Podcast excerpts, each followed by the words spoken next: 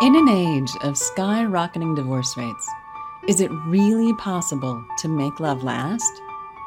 Welcome to the Falling in Love Forever show with doctors Barbara and Michael Grossman, the well known relationship experts and best selling authors of The Marriage Map book. Each week, they share the latest information to help you enjoy your romantic partnerships so you can fall in love forever. Here are your hosts, Doctors Barbara and Michael Grossman. Welcome. I'm Dr. Michael Grossman. I'm Dr. Barbara Grossman. The authors of The Marriage Map, a road to transform your marriage from an ordeal to adventure. Today, we're going to talk about parenting skills, creating successful children. So, parenting skills are a very, very important part of family life. And we tend not to uh, focus on the skills it takes to be a good parent. We think we just love our children, it's going to happen. But there's a lot of specific things we have to pay attention to and develop specific skills. So, parenting skills is not just good for your children, it's good for your partnership. And we're lulled to sleep by it because when a child comes into the family, when the child is born, it's mainly sleeping and it's the mother's province to feed it and and create a rhythm. And before long by about you know eight months to a year um, if a child is not properly routined actually the routine could start way before eight months of sleeping and waking and eating. Uh, if there's not a proper routine it gets extended to a, a, a dynamic where the mother is essentially uh, in charge of, of the child. Uh, and um, as time goes on, uh, what happens is the um, father can feel excluded.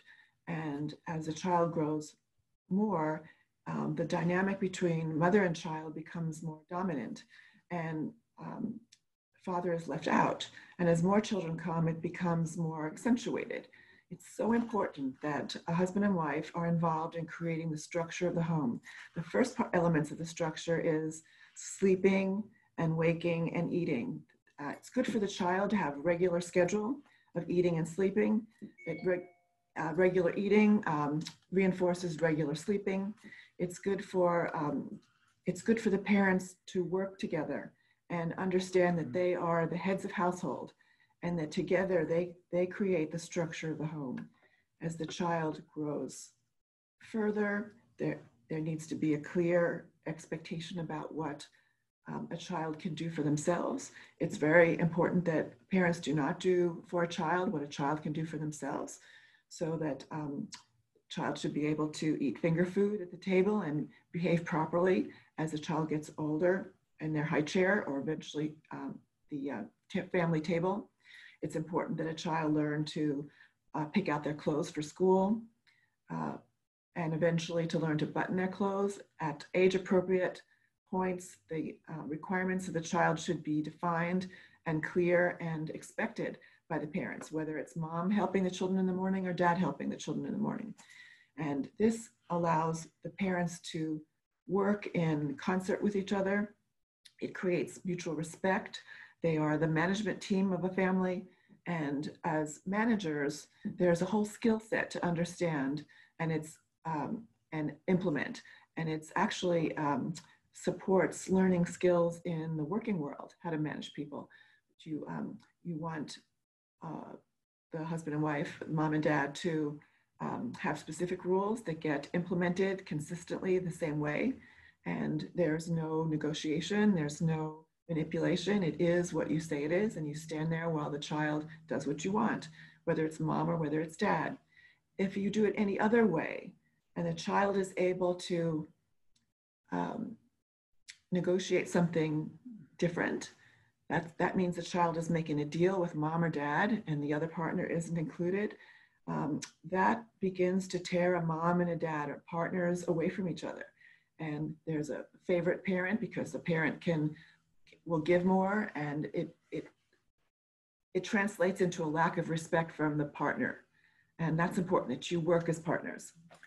So I'll tell you a little story about Dr. Barbara and myself when raising our children.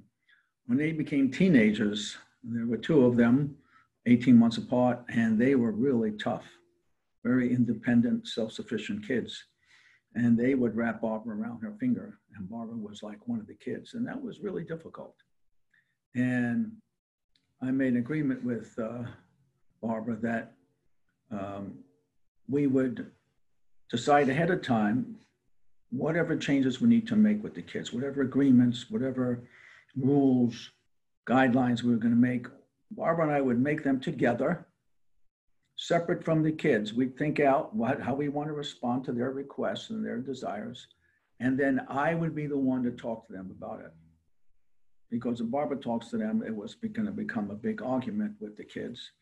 And when I talk to them, I could just firmly say, This is what we've agreed to. Okay, you want to uh, adjust it? Well, let me talk to your mother. We'll think about it. And when we did that, everything calmed down in the family.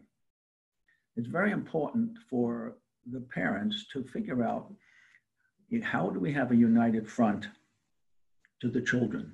You should never have one person do the negotiation. You just say, okay, we'll think about it. And then both parents go into the other room, think about it, talk about it, debate about it. And then when you come out, it's united front. United front is really critical because not only are you handling the children properly, but as Dr. Barbara referred, you're creating your marriage to be firm and you're actually teaching your children how to have a marriage because the children look at what you do, they don't listen so much to what you say. You can pontificate with the kids, but they watch you. And when the parents make it clear to the children that there's a separation between children and parents, that the parents are deciding together as a team how the rules and the guidelines are going to be in the family, they learn that, okay, that's how it is with parents. They learn how to have a marriage by watching you it's more than just teaching your children how to have a marriage. It's also, it's, it's uh, so let me uh, say that on behalf of uh, my temperament and people like me and tr- typically women are more agreeable. We ha- we're more compassion oriented. And so we're more likely to uh, be willing to, to give in to a child who wants something uh, urgently. And um, so it's important that husband and wife work together because you can think it through and see what works best for you. Also, having you know, allowing a child to argue with you and win the day teaches them that they can manipulate rather than um, if you have a, a clear, defined uh, structure of rules and accountabilities, you teach children to be accountable. You teach children that they need to um, uh, honor their parents. You need they need to do certain things because that's part of being a family. That's their their role in the family. And it ultimately will set them up to be more, um, to understand how to work in a structure like a working environment. They'll learn accountability and trustworthiness because they can't manipulate their way out of an accountability. So you're teaching your children how to be little adults and uh, how life works so that they will be able to launch themselves and be successful in life.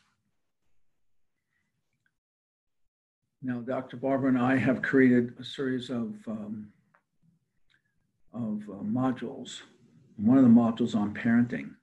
We have uh, three different modules on parenting, which will give you a lot of skills that we just talked about today. And if you're interested in, in being able to be a part of that, we want you to send us uh, a note. You can send it to themarriagemap.com and, and enter in your name and address and just put a note that you'd like to be a part of these, uh, these classes. We're happy to assist you in doing that. And uh, we have our class on Falling in Love Forever, which is our class on marriage, where we have five two hour classes where we give you lots of skills of how to make your marriage uh, more loving, more intimate, communicate without arguing and understanding each other. So that's something that we invite you to do. You also can um, go to the marriagemap.com and get information on that. Anything else you'd like to add, my dear? Well, I invite you to join us. It's important to be successful in parenting. It will cement your relationship. You have a romantic relationship, you have a, um, a partnership in uh, taking care of money, you have a partnership, taking care of uh, your children with parenting. There's so many important elements to partnering. And we want you to have happy, satisfying, good lives as a family. Well, thanks so much for joining us. We look forward to seeing you again in just a few weeks. Bye for now. Thanks. Thank you for watching the Falling in Love Forever show with doctors Barbara and Michael Grossman. Join us next week for another informative discussion to help you keep your love alive. Be sure to visit us at themarriagemap.com or find out about our relationship classes at fallinginloveforever.com.